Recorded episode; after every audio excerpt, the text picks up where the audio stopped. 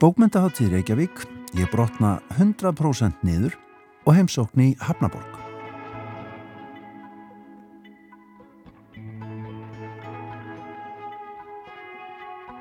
Við sjá hugar áfram að bókmyndaháttíð Reykjavík í þætti dagsins. Rítuhöndurinn Alexander Dahn kemur í heimsókn en hann kemur fram nú á bókmyndaháttíð á tveimur pallbórsumræðum.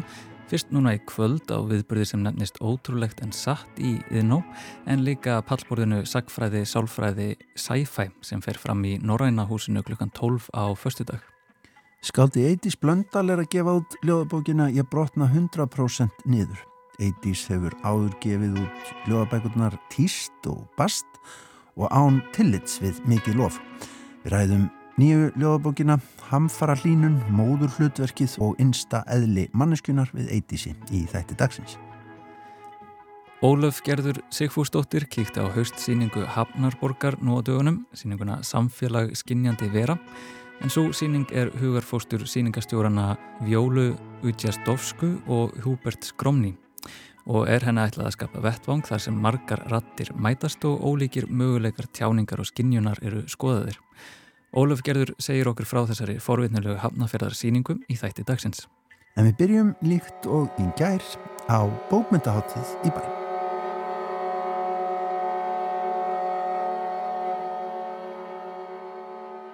Hrímland er undir hælnum á Erlendu stórveldi og höfuðborgin Reykjavík er umlugin háum múrum. Kalmar merk sigur þessa afskektu nýlendu og nýtir seðmagnið sem býr í jörðinni í eigin þáu.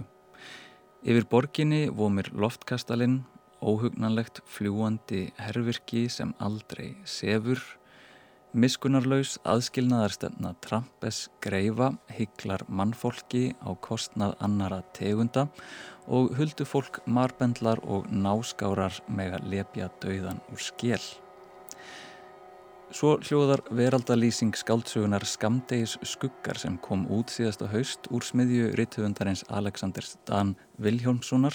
Bókin fylgir galdramanninum Sæmundi og huldu fólks blendingnum Garúnu og skoðar baróttu þeirra fyrir frálsu Rímlandi. Bókin Skamdegi skuggar er fyrsti hluti bókaflokksins Rímland en á sér jáfnframt langa útgáfusög.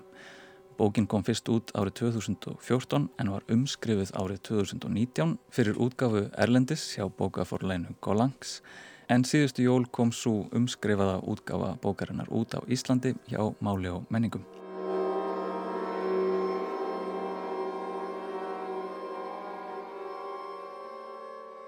Alexander Dan hefur áður gefið frá sér bókina Vættir árið 2018 og kemur fram nú á bókmyndaháttíði Reykjavík á tveimur pallborðsumræðum fyrst núna í kvöld á viðbyrðið sem nefnist ótrúlegt en satt í yðná en líka á pallborðinu Sagfræði, Sálfræði, Sci-Fi sem framfer í Norræna húsinu klukkan 12 á förstudag. Höfundurinn er komin hinga til minn í hljóðstofu, Alexander Dan, innilega velkomin í Víðsjó. Já, takk fyrir og uh, þú nótast við fyrðusuguna í þínum skaldskap mm. þú sækir mikið þjósagnarar Íslandinga en samfélagsmyndina sem byrtast í bókunniðinum eru kannski svolítið kunnulegar í, í vættum verðist þú vera í samræði við ferðamannabransan uh, og í skamdegi skuggum er sögus við tölvert stærra uh, réttindi jáðarhópa í fyrirrúmi en hversuna veluru fyrðusagnarformið til að segja slikar sögur? Í, í kjarnan er það kannski ekkert hérna rosalega merkilegt svona instinkt sem að ítir mér út í þetta. Það er bara áhuga svið mitt sem lesandi. En ég er svolítið gallharður á því að förðusagan sé með mjög svona einstaka möguleika sem bókmyndagrein til þess að kanna ímiskonar uh, vandamál og viðfónsefni og eins og sérstaklega í vísindaskálsum svona vangaveltum okkar yfir framtíðinni. Þetta er eiginlega ef maður vil horfa á þetta sem eitthvað svona praktíst elementa þá er vísindaskálskapur bara svona prepp fyrir svona fyrir morgundagsins stundum. En, en þetta er bara eiginlega svona ótrúlegt tæki til þess að kannamörk hins raunverulega og órönverulega og líka til þess að komast að virkilegum kjarnamálana mm. með oft svona óbeinum hætti eins og það er alveg hægt að náttúrulega skrifa bóka um, um fordóma á Íslandi og útlendingarstofnun á Íslandi og hvaðina ánst þess að skrifa einhverja fantasíu en ég í rauninni nota fantasíuna til þess að búa til einhver distans og einhverja speiklun á raunveruleikan í gegnum svona fyrðusöguna sem svona, svona umbreytingarspeil, svona spjespeil kannski. Mm -hmm. Þarna er kannski margt svolítið svona teikt og ykt og öðruvísi svona bjagað. En ég vil eða meina að þannig getur maður hort svolítið beint inn að einsta kjarnar hlutana og ég held að Haldur Lagstins hafa sagt, ég held að, nú er ég kannski að segja vittlisu, að ég skálsögum megin maður ekki segja beint út það sem að skipti sem mestu máli. Mm. og ég held í rauninni að fyrðusagan er frábært tækið til þess að, til þess að forðast það svolítið umvefurði svona þessum stórkvöslu hlutum sem eru ekki úr okkar veröld mm. og þar fær þetta sem skiptir mestu máli vissan þunga mm. uh, sem er enda mjög fyndið að því að margir sem fíla ekki að lesa fyrðusögur er einmitt tengja ekki við því óraunverulega mm. en hérna er ég að segja að það er í rauninni því óraunverulega er beinasta tengingin við því raunverulega það er alltaf mitt sjónarhátt sko, þetta er ekkert hérna, eina og besta þú veist, bókmentatækið til þess en hún heitlar mig bara svo ótrúlega mikið. Mm. ég er aðbæri ekki við mig. Amen. það er líka bara máli og svona þú ert búin að umbreyta líka og, og, og skapa þennan kannski heim til að fjalla að hún hátt um svona mismunandi málefni og skapa þessa fjarlægð finnir þú þá líka er, er þá ekki meira frelsi sem fylgir skrifunum? Jú, algjörlega og sérstaklega í skamdegiskuggum að þá er unnið rosalega mikið með uh, þjóðsögnar eins og þú sagðir en líka með sögu Íslands og nútíma Íslands mm. en ég er frí að mér svona allir ábyrð af því að þurfa að gera raunveruleikunum skil eins og í sögulegri skaldsög mér þætti það að vera mjög intimiderandi sko. Mm.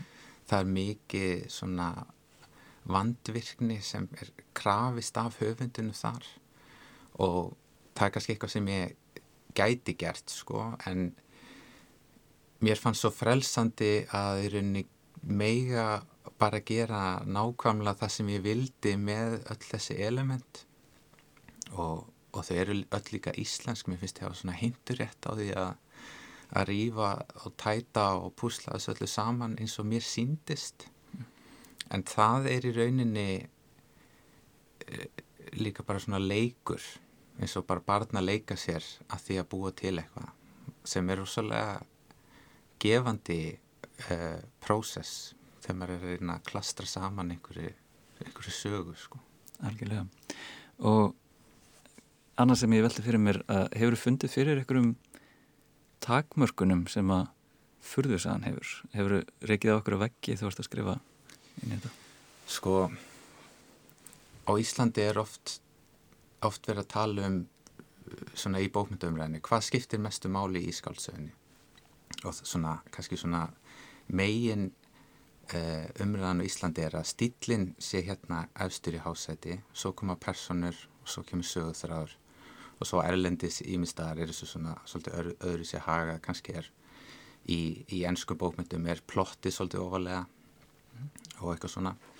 En málið með förðusön er að hún er eiginlega með fjóruða elementi sem er í toppsætinu alveg sama hvaða áherslu þú síðan sjálfur setur á hinn þrjú að því að heimsmyndin hún er alltaf í fyrsta sæti. Og það er sko hvöð förðursakna höfundsins er að hún er alltaf fyrst alveg sama hversu í rauninni surrealíska bók þú ert að skrifa. Mm -hmm. að þú mátt aldrei einhvern fella spilaborgina sem þú ert sjálfur að smíða hversu undarleg og ómöguleg sem hún er. Því þá ertu búin að glata lesendanum þá hættir hann algjörlega að trúa því sem eins ótrúverðast orða er kannski þá hættir hann að trúa sögunni. Og þá skiptir hérna einhver máli hversu góðan stíluður með kníjandi personur og spennandi sögurþráð ef að heimsmyndin er fölsk þá stendur þetta ekki. Mm -hmm en þetta finnst mér náttúrulega ekki vera takmarkandi eða hvöð en ég held að margi sem eru ekki að skrifa fyrir þessu miklu þetta mikið fyrir sér en sem tengist en við þessu með að fyrir mér er þetta bara svona svona leikur þetta er ekki svona þungi þú veist ég smíða ramman ég ræð hvernig hann takmarkast hvernig hann liggur en þú verður að vera samkvæmur sjálfum þér svo að hvað þú ert að spinna mhm. standi Já, eða þú ert að skapa tröstið og mm. ég finna það mynd ofta þegar bækur byrja á svona stóri hugmynd og ég, ég fann það í, í vættum eh, eftir þegar sem kom út 2018 að þá að vera fyrsti kaplinn svolítið skref að taka í læsturinnum að, að vera að kynna inn þessi yfirnáttúrulegu element sögunar svona, og maður er að prófa að taka þessi skref með höfundi og maður veit ekki hvort maður treystir honum ennþá.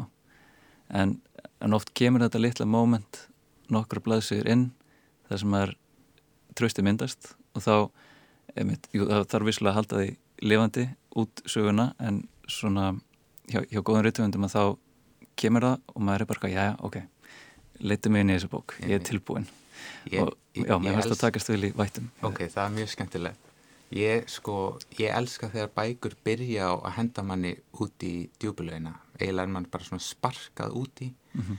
og þú veist eiginlega ekki hvað í fjandanum er í gangi frá A til Ö, svolítið, þú veist, þú hérna, bara svona samfélagsgerðin, heimsmyndin og náttúrulegumallin er ekki endilega sjálfgefin og þegar að höfundurinn svona markvist hægt og rólega leifið er að, að skilja hvað er í gangi án þess að mata þig á upplýsingum mm. það, þá finnst mér sem lesand að ég alltaf vera átt að mig á þessu sjálfur sem er náttúrulega ekki alveg satt en mér finnst það og það er eiginlega það er það sem ég leita að þegar ég vil finna nýjar spennandi fyrirsögur það er eitthvað svona þessi tilfinning um að ég sé í einhverju sem er mér eða ofviða.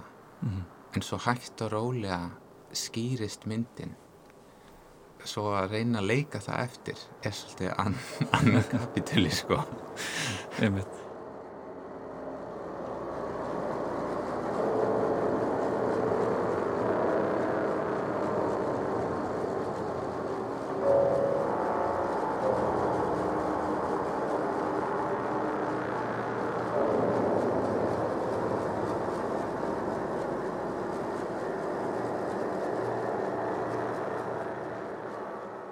En uh, já, mér langar að taka smá svona fórskund á sæluna fyrir kvöldið kvöld. Að það er Pallbúrs umræðan uh, ótrúlegt en satt í yðnó klukkan 8 og hún spyr svolítið stóra spurninga og mér langar að fá skjóta einni á þig hérna í, út á sveitalinu.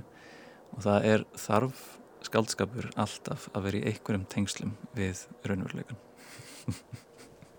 eða svona þú skilur náttúrulega förðursögur sem fara mjög langt en þarft alltaf að hafa þessa litlu tengingu finnst þér? Já, sko, það fer kannski eftir skilgreiningu manns á raunveruleikanum.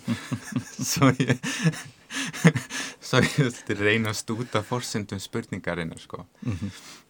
sko eins og vættir gerist klálega í okkar Reykjavík sem hefur aðeins tekið svona hlýðarspor og skamdið skuggar er rífandi í, í vísunum í okkar heim. Það sem allt er kunnulegt en ókunnulegt á sama tíma Þannig tengslinn við raunveruleikan þurfa ekki að vera bókstafleg eins og þessum tömu bókum, svolítið svona greinilega. Mm -hmm. En alla bækur þurfa að tala til fólks á einhver djúbstæðan máta um eitthvað raunverulegt mm -hmm. í, í sálarlífi fólks.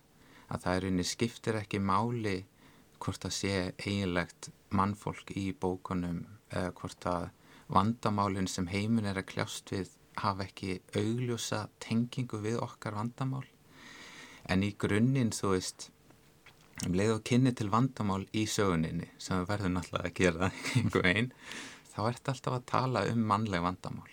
Mm. Það er óumflíjanlegur kjarni mm. og jáfnvel svona undarlegri bækur sem ég hef lesið eins og það er einn svona bókum fyrstu, fyrstu samskipt okkar við gemverur sem heitir Blindside eftir Peter Watts mm. Og hún er mjög förðuleg sko fyrir, fyrir vísendaskálsu að vera en hún er í rauninni kjarnan að spörja sig að því hvað er að vera mennskur og eiginlega undir því hvað er meðvitundin og er hún einhvers virði og geimverunar í þeirri bók eru svona innilega framandi, innilega óskiljanlegar mannfólki. Og það er svona gjá sem verður aldrei brúið sem er svona það sem er sláandi við þessa bók. En það eru mjög óraunverulegar aðstæður en kjarni bókarinnar er alveg blákaldur og miskunarlaus raunveruleikin Já, hérna ég ætla ekki að fara lengra út í uh, pallbórsumræðina en uh, fyrir áhuga saman þá fer hún fram núna í kvöldi inn á það þarf að skrá sér sérstaklega á heimasíðu bókmyndaháttíðar en uh, kannski aðeins aftur að Rímlandi uh, Skamdegi skuggar er fyrsta bókin í þeim bókaflokki? Er þetta sjá fyrir þér langa sériu? Sko ég hugsaði alltaf maður ekki þjár skrifa ekki alltaf þrjár? Það er eitthvað svona eitthvað svona standard úti erlendis þá á, á alla ennskamarkanum þá selur fólk í þessum gera bara þrjár bækur mm. eins og það sé bara lámarki og ég var ekkert alveg að skilja það þegar þetta ferli byrjaði með gólangs að þú veist að maður geti bara hendt fram hugmynd fyrir tvær bækur til viðbótar og, og það væri bara já, ekkert mál en ég hafði bara hugmyndað einni bók. Sem ég fannst nógu solid til að til að sagt, kynna hana fyrir þeim. Og ég hugsaði að ég myndi skrifa þriðju en núna er ég búin að ákveða að þetta verða bara tvær bækur. Mm -hmm. ég er búin að vera svo lengi í þessari sko veröld eiginlega. Og setnibókin hefur einst mjög erfið í, í smíðum sko þetta er ég búin að skipta um aðarpersonur og okkar svona djöðsis vittlisu þannig að þú veist það er ekki svo að hafa verið að gera mér þetta eitthvað auðveldara. Þannig ég ákvað að slúta þessu bara í í setnibókinni en svo ég veit ekki svo gæti alveg verið það hefur nú oft gerst að svo detta höfundar aftur inn í einhver eldri heim eða sagna bálk eftir kannski 10-20 ár. Mm -hmm. Þau eru ekki lengur með ógeð á þessu gíska ég á. Og sagan heimtar meira já, en ég ætla að segja að tvær bækur er þessi svona heildarfletta verður slúta þar sko. All, allavega þessi lota af Rímlandi en uh, ertu komið með svona eitthvað tilfinningu hvenar svo bókminu kom út, er það næsta ár? Eða? sko já, ég er að, einmitt að klára hana núna. Hún er reyndar eftir að fara þá í eitt rittstýringarrensli viðbót og svo próvork en núna er hún sko lítur út eins og bók mm -hmm. og svona pljómar eins og bók og fer alveg að verða bók okay. þannig að það gæti verið að hún sé núna á næsta ári en þau þarna í Breitlandi og Bandaríkanum þau sko það eru bara svona nýju mánuðir oft frá því að handritið er tilbúið og prófurkin og, og uppsendingin og allt þangað til að bókin kemur út. Já. en mér þetta er mjög næs að sko að hún gæti komið út á næsta ári þá ég ráði því ekki. Mm -hmm. og reyna að hagaði þannig að íslenska bókin komið út sama hausti sko. Já, mér þetta það mjög næs sko. Mm -hmm mér er mjög sko umhugað um að það verði til íslensku útgafa af þessari bók.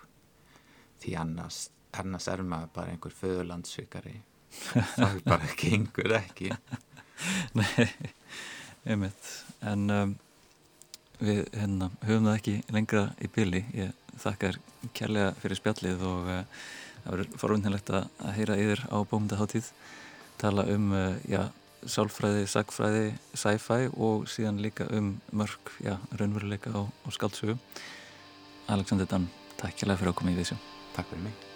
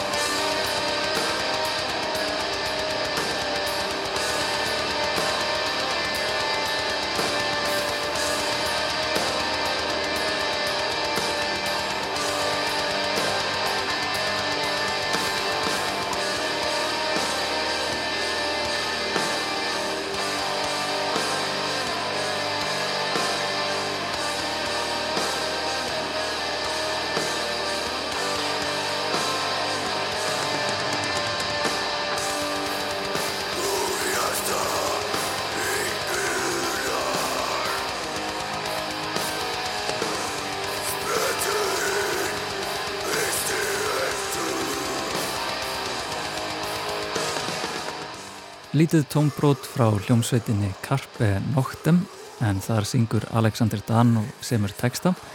Lægið ber nafnið Ræ Kindill og er á blötunni Aldrnari sem hljómsveitin vann á samt hljómsveitinni Ástíður. Alexander Dan kemur fram á bómyndaháttíð í kvöld, dasgrána má finna á bómyndaháttíð.is. En úr bókmentum yfir í sjónmenningu sem að Ólaf Gerður Sigfúrsdóttir ætlar að rína í fyrir okkur hér í Víðsjá í vetur, gefum Ólaf Gerði orðið. Árið 2011 hóf þáverandi forstuðmaður Hafnaborgar, Ólöf Kristín Siguradóttir, þá nýlendu í Íslenskri myndlistarsinu að senda út kall eftir hugmyndum að haustsýningu sapsins.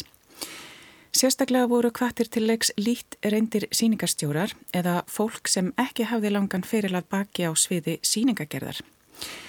Þetta var nokkuð djarft útspil á sínum tíma þar sem flestar síningar og viðburðir á myndlistarsviðinu voru yfirleitt undir stjórn starfsmanna safnana og því ekki mikið um óvand útspil að ræða í síningarstjóra flóru landsins.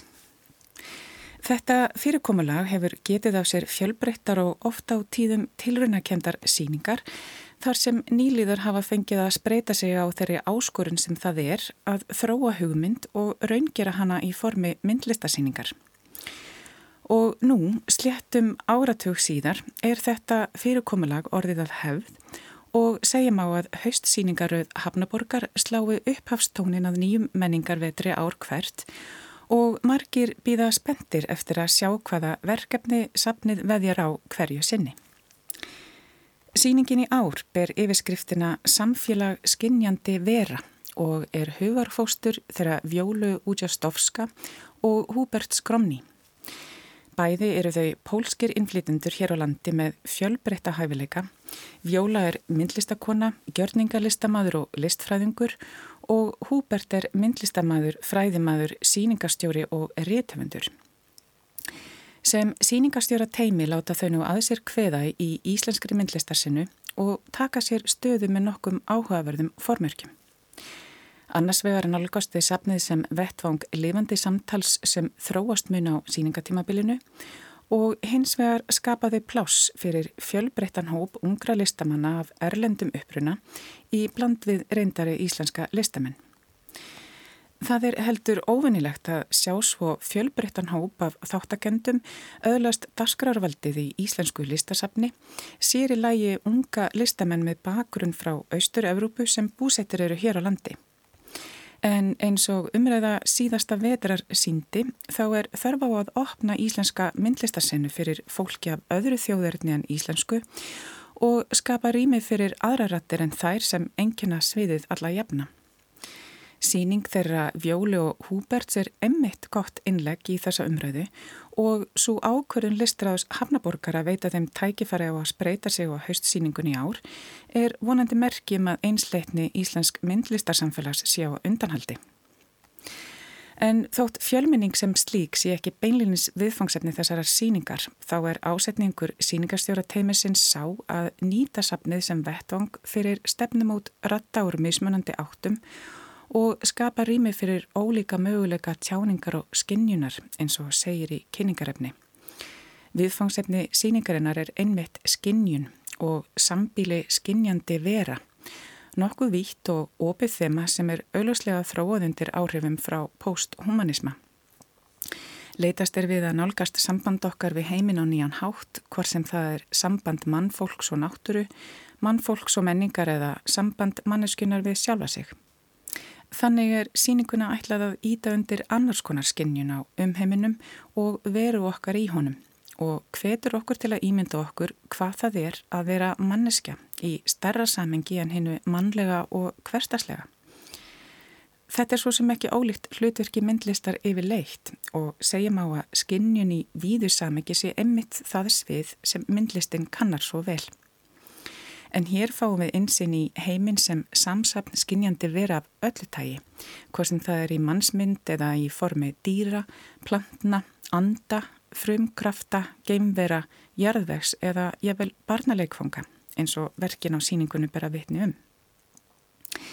Sýningarstjórnin vilja draga fram mikilvægi skinjunar og líkamlegar upplifunar í að öðlast skilning, skilning sem þau vilja meina að fáist á forsendum namni og tilfinninga, fremur en raukhugsunar og vitsmuna.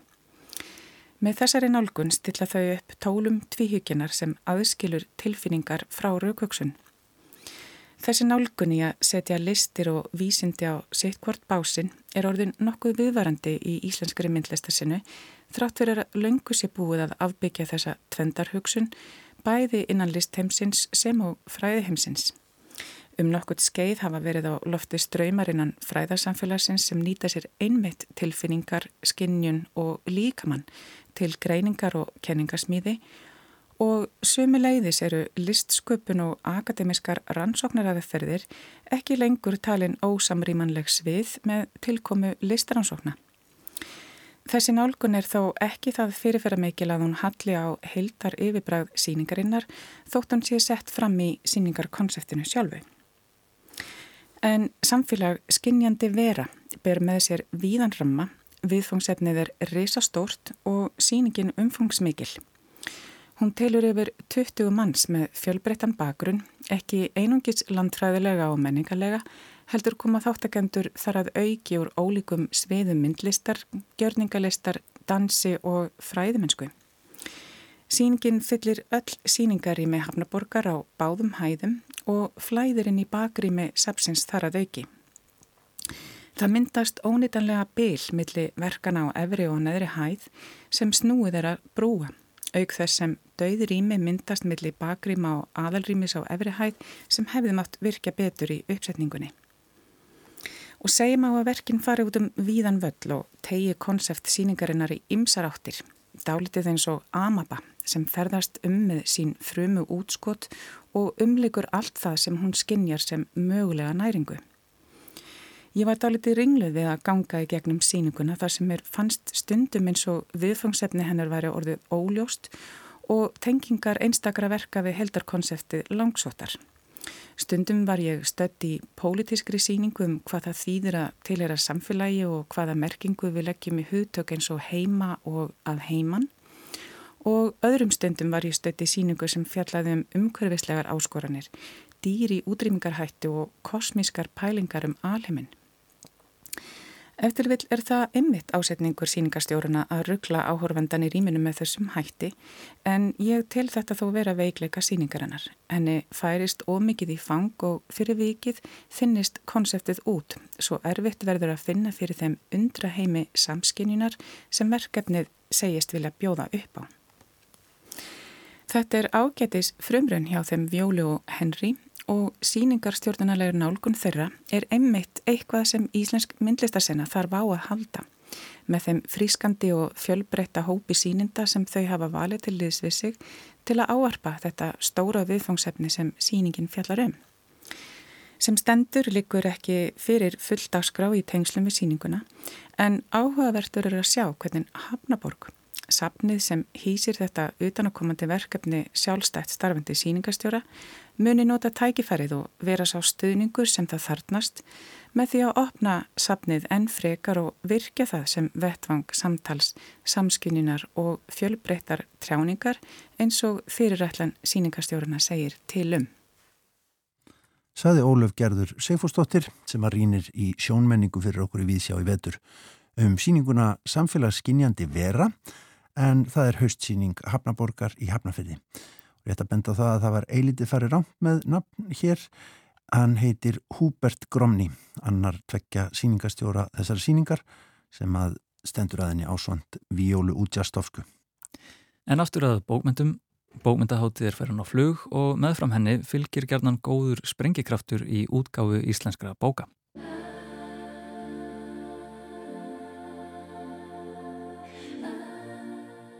Ég brotna 100% niður. Ef mænan smellir í sundur, flæðir mergurinn úr beinunum. Mergurinn, allt það sem afsakar hvernig ég er. Grímurnar og performansinn, appilsinu-börkurinn, grotnar og morgnar utan af mér. Eftir sitt ég, ekkert nema ég.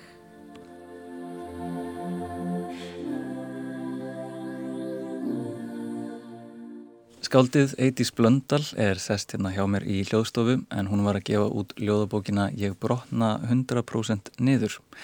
Eidís hefur áður gefið út ljóðabækunar Tíst og Bast og Án Tillits við mikið lof.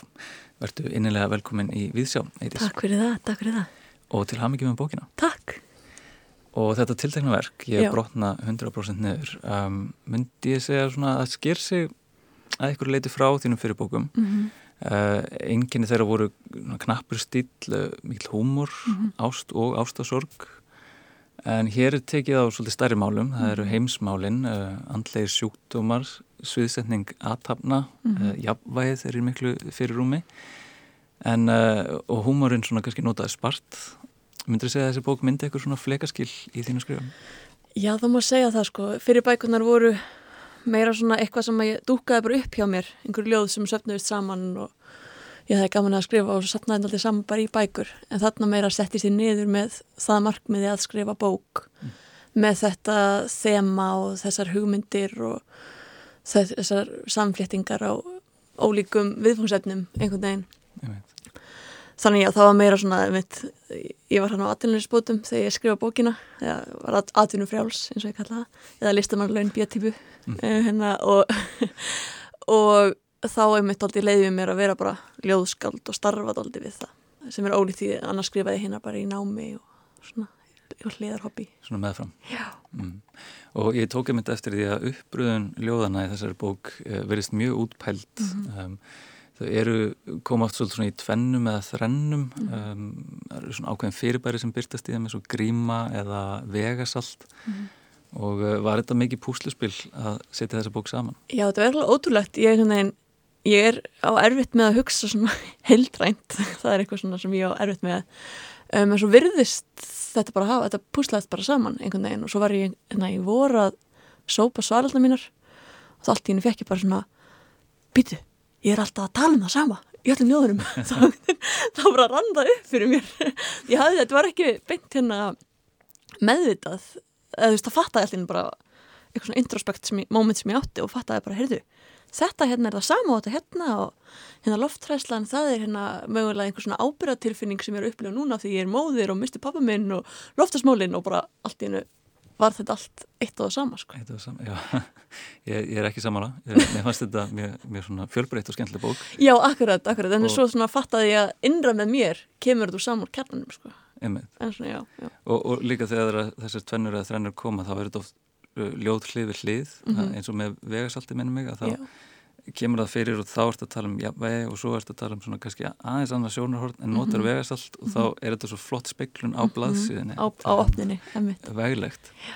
En kannski svona stóra fyrirbærið sem að maður svona tekur fyrst eftir er uh, lofslæðið mm -hmm og uh, lofslagskvíði uh, ljóðmælandam mm -hmm. um, vega þessi mál þungt á þér Já, þessi bók átti að fjalla um bara það sko um, ég hef mér þess að vera að halda fyrirlesta sko í fráfumskólum um lofslagskvíða sem er mjög skemmtilegt eða svona, skemmtilegt ekki rétt orðið en svona gefandi. Og hérna þetta er eitthvað sem ég hef þurft að vinna mikið úr og vinna einhvern veginn hugsa mikið um þessi kvíði af því að þetta er svona algjör tilvistar kvíði einhvern veginn og það er allt undir þú veist, þetta er ekki hérna einn hlið af lífinu, þetta er bara einhvern veginn forsenda alls og það er ótrúlega já, bara þetta er svo viðfemt mál og viðfeðmar áhyggjur þar koma allstaðar að einhvern veginn mm -hmm. og snert allt í lífinu hans Einmitt. og ég veld fyrir mér vegna þess að annars stort þema í bókinni er móðurhlutverkið mm -hmm. og nú ert þú sjálf móður mm -hmm. og mér langar svona að spyrja er það móður hlutverkið breytti það eitthvað hluta afstöðinni þá til loslasmála? Já, það gerði það, var náttúrulega þú veist þá var þetta ekki lengur bara spurningum mitt líf, heldur líka spurningum hundra árin eftir að dóttir mín fæðist, ekki bara hérna hundra árin eftir ég fæðist og þannig lítið ég, svona cirka var, ef ég er svo heppin að lifa svona lengi. Mm. en hérna og, og maður er mitt færdóldið, þú veist nú allt í einu á ég mannesku sem ég ber ábyrð á og svona hvað býður hennar? Og það er alltaf bara erfið spurning sérstaklega þegar það er ekkert sérstaklega bjart yfir þess allir saman Já, það var eitt, um, eitt ljóð í bókinni mitt sem ég fannst ná mjög skemmtilega utanum uh, spurninguna hvaða heim munu þau erfa. Já. Mætti ég kannski beða um að lesa það snakast? Ég get gert það, já. Um, Já. 2050, nummer 1 Í fréttanum var sagt að árið 2050 yrði lífið á jörðinni á barmi eðileggingar, uppskerubrestir, vaskortur, styrjaldir, sjúkdómar. Ég verð 56 ára árið 2050. Ég mun þá líklegast ekki verja elli árunum á sólaströnd eða hvað. Ég hafði aldrei leitt huganitt sérstaklega að elli árunum, hvað þá séðu fyrir mér á Tenerife, en um leið og möguleikin var tekin frá mér, fylltist ég af sorg. Hvað með barnabörnin mín? verða enþá til ísbúðir sem ég get farið með þau í. Í fréttanum var sagt að árið 2050 er þið lífið á jörðinni á barmi eðileggingar, uppskerubrestir, vaskortur, styrjaldir, sjúkdómar.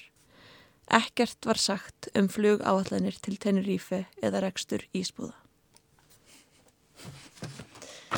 Já, þetta er, um, þetta er svo fyndið, þetta er algjört, mér er svolítið gaman að kafi þetta svona forritinda blindu kvíðin mm -hmm. því stundum þetta er náttúrulega fyrsta lagi er þetta svona existensilegskur kvíði bara lífið á jörðin er að farast og það er okkur að kenna og tilvist okkar gengur út á það sem er að eðilegja líf okkar einhvern veginn. En svo er það líka bara en þarf ég að hætta að gera þetta? Þarf ég að hætta að fara til útlanda? Verða ísbúðir? Algjör svona og mér finnst bara gaman að gera grína því sko. Því þetta er svona þetta er spurningar sem ég hef spurt mig sko að í einlægni.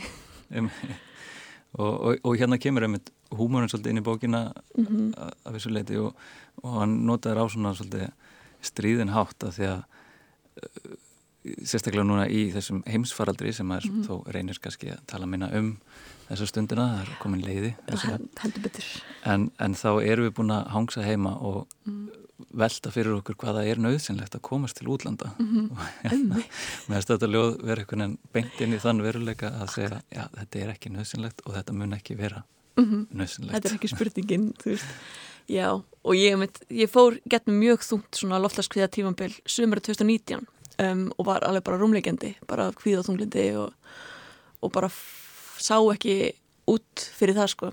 Um, og þessar spurningar sem að margir spurður sér að þegar COVID svo kemur sko, sem er þetta með tilgang lífsins bara hvað, ef ég bara hanga heima er líf mitt þá ekki neitt? Eða þú veist og bara einhvern veginn ég er núna allt, ég er allt eins og þegar ég er að fara á kaffehúsin og fara á djammið og fara til útlanda, þá er ég jafn mikið til og ég er hérna sittindi heima hjá mér. Mm -hmm. veist, hver, í hverju fælst munurinn einhvern veginn? Og þetta var spurningar sem ég hafði mikið spurt mig að út af loftaskviðanum því að þá var ég alveg bara, veist, það sem mér finnst skemmtilegast, ástæðan fyrir ég fyrir að menta mig og fyrir að leytast eftir góðum vinnum til þess að ég geti farið til útlanda, til þess að ég geti keilt mér flott född og svo þetta að segja mér að það sé það sem er að eðalega jörðin okkar Já. og hvað ætla ég þá að gera úr lífið mitt? Get ég ekki lengur keilt mér född í HM? Hvað er þetta að segja? og Já, og þú ert að vinna líka með hennan performance og mm -hmm. mikið á svona kannski svona hlutverkum okkar mm -hmm. og, og svona þær grímur sem við byrjum uppi og þessi svona kyngerfi mm -hmm. kemur fyrir sem einmitt gerfi þetta er mm -hmm. svolítið svona plat og þetta er leikur sem við mhm. leikum og uh, en já, við svona einhvern veginn rökklumst út í það mm -hmm. og erum allir bara komin í einhver hlutverk eins og þú talar um bara móður hlutverk maður þarf að læra að vera móður maður þarf að læra einhvern veginn að fara til útlanda og, og gera allt sem mann á að langa að gera. Ertu mikið að velta þér upp úr og, og svona afbyggja þennan performance? Já, mér finnst sko, ég tekum eitt dæmi hérna um kyngerfið að mér finnst það að byrtast mér skýrast sem eitthvað svona sem okkur er bara bókstæðilega kent og, og, og ég hef mikið velt það sem ég leitaði aftur og aftur í þegar ég var að velta fyrir mér loftlagsmálunum var bara skiptin sem að ég svík sjálfa mig.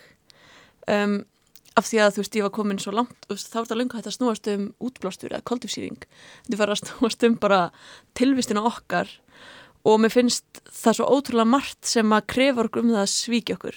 Bara það til þess að vinna vinnur sem að hafa ekkert með afkomun okkur að gera þú veist, við, ég, við vinnum vinnur sem að snúum eitthvað, svo fer ég heim og kaupi mat allt annar staðar, þú veist, við erum ekki lengur eins og eitthvað sé eðlilegt fyrir okkur sem er þú veist að rækta matin okkar taka hann upp sjálf og sauma fötun okkur sjálf og byggja húsin okkar, við erum, þetta er svo ótrúlega afbyggt og úrkynjað einhvern veginn.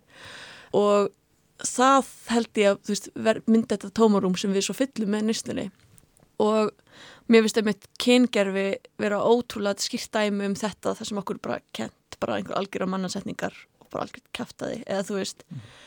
og það sá ég svo skýrt þegar einnægist barn það einnægist í barn og allt í hennu ég sé bara hana en svo er allir hinn sem sjá hana sem stelpu mm. en ég sé það aldrei og svo er þú veist þetta sagt við hana sem ég veist alls ekki eiga við hana en það er átt við það að hún sé stelpa og það er svona þá fór ég að spegla það í sjálfur mér og var bara vá hvað það er svo, veist, ég til og með ég hugsa um sjálfur mig hugsa ég ekki um sjálfur mig sem konu um, þótt að það sé ekki endur einhver rosalega róttækur skilningur innan með mér og ég ætla eitthvað að, að fara að koma út úr skápnum sem eitthvað þótt að þú veist ég ber alltaf fulla verðing fyrir fólki sem gerir það en, en þetta spila bara einhvern veginn svona hlutverki mínu lífi sem er bara það að ég sé kona er merkinglust mm.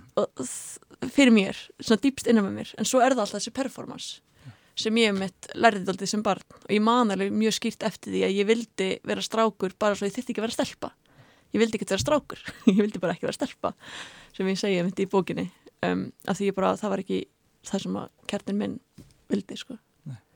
og þú leiðir svolítið hugan að kjarnanum mm -hmm. í mhm. bókinni, einmitt. það er eitthvað undir yfirborðinu mm -hmm. og mhm það er kannski ekkert mjög þægilegt mm -hmm. uh, í þeim ljóðum sem að fara alla leiðina þangað mm -hmm. það er svolítið svona mergur og, mm -hmm. Og, og, jáfnvel ekkert mhm. að um, hvað, mætti ég spyrja það bara hvað, hvað er undir öllum grímunum og hluturkunum? Það er það sem er svo kvíðalegt það er mitt eins og hérna ég segi ljóðinni sem er aftan á bókinni, bara þú veist uh, ef mænan smellur í sundur flæðir mergurinn og beinunum, mergurinn allt það sem afsakar hvernig ég er og eftir setur ég ekkert nema ég og bara er ég tilbúin til að horfast í augu þá mannesku því ég veit ekki svona hver hún er mm -hmm. mér finnst það ótrúlega erfið tilhugsun bara þú veist, um leið og ég hætti að vera það sem ég er búin að læra að vera til þess að fólki líki vel við mig og til þess að ég fungir í samfélaginu ef ég sleppi því hva, hver er ég þá? af því maður er ofta að reyna að fela þá mannesku mm -hmm. það finnst mér mjög creepy sko. það er, Já, það er stór tilvistaleg ráðgata sem það þarf samt að búa með allt sitt líf. En samt líka áhugaverðið sko áskorun ég reyna oft svona að gefa mér áskorunir til dæmis einu sinni fór ég í jóka að þess að hafa rakað með lappinu og fór í stuðbuksur og fannst það alveg sko það var ræðilegt og svo náttúrulega fór ég bara heim og ekkert aðeins gerst. Og þá þar aðbyðist eitt svona jábyttu Einmitt, þetta, þetta er eitt af þessum hluti sem ég hef lært sem er bara kæftæði mm -hmm. ég vil bara að leggja það en já. En um, síðan er þannig að Appelsína sem mm -hmm. kemur inn og er, er framan á bókinni. Það er hún uh, Emilia Erla Ragnarstóttir sem hann aðeins kapuna og, uh, og í gegnum já, bókin að koma fyrir Appelsínur Appelsínu mm -hmm. 3 mætti ég spyrja hvaðan komaður? Þessi Appelsína sko. Þetta er náttúrulega frumröðinu mín sem handamódel hérna. Ég tók þess að mynd bara um morgunin ég tek semst myndin og svo er Emilia sem að hannaði kápuna, en ég er semst handamótilið hann og tók hana klukkan kortir yfir sjöum eitt morgunin þegar dótt mín er að borða morgumatt það fekk ég þess að afbláskoðu hugmynd og vippa mér bak við gardínunar og fyrir að taka myndir á síman minn. Og það var bara kápan. Það hérna, var alveg merkilegt. Já, hérna. ég er mjög ána með hana og bara frábært samstarri með hönnunatæminu hann í forlæginu og, uh, en já, appilsínan þetta var textin sem ég skrifaði fyrir löngu sem ég man ekki eins og hvort ég hafi skriðið eftir í bókinu eða ekki um það að þetta var sem pappi minn sagði alltaf með mig að heimurinn væri bara eins og appilsína mm. þess að þú veist djúbalatnir og fjöllin væri ja, hrjúf og appilsínubörkur og það er alltaf svona sínir þú veist það sem að virðist í nærmynd vera allt og ekkert mm. er svo bara einhvern veginn smámunir sko mm. í stóra samhenginu um, og svo um þannig að þá daldi flétta ég sko daldi pappa mínum og þeirri sögu inn í getum appilsínuna með hérna hann sem ræktaði appilsínutri og átti það þannig til hann dó sko frá því að hann var 11 ára gammal þannig að það var 70 og ég veit ekki eins. 71 Er það kannski eina appilsínutri á Íslandi þá? Ég veit ekki, það er bara aldrei ávöxt sko. En Eh, jú, það kom einu sinni blóm eins og kemur fram í bókinni. En, jú, já. en já, þannig að já, það var aldrei svona skemmtileg leið. Þá erum við bæðið með sko appilsínuna það sem að appilsínubörkunum sjálfur sem verið með þetta sem að pappi minn var að tala um.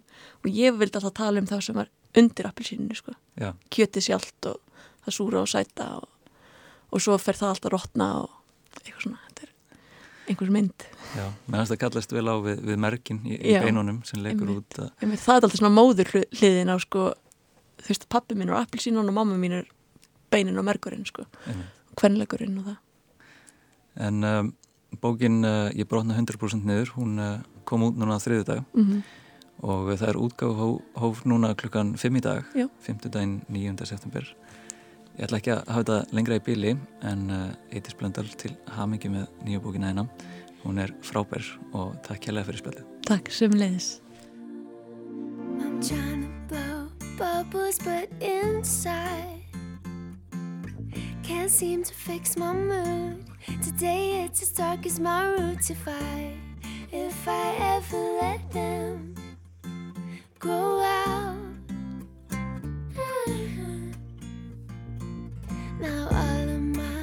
Oceans have riptides can't seem to find what's wrong. The whole world is letting me down. Don't you think the early 2000s seem so far away?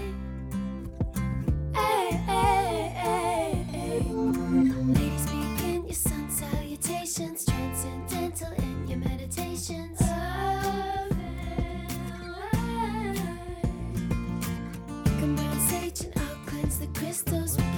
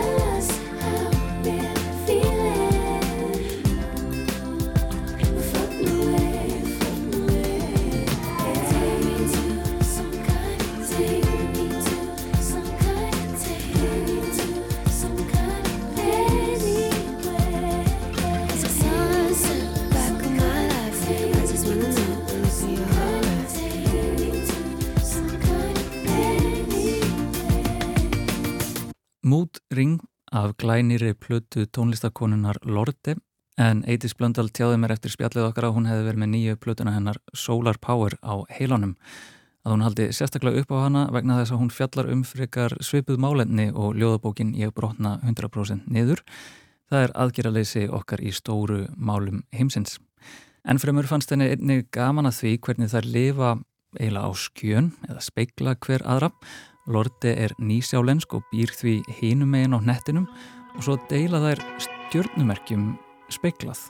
80's er Stengate, Rísandi meia og Sportriki í tungli. Lorde er alveg á skjön, hún er Sportriki, Rísandi meia og Stengate í tungli. Merkileg tenging þar á ferð. Já, þú segir það. Ég trúiði bara fyrir því.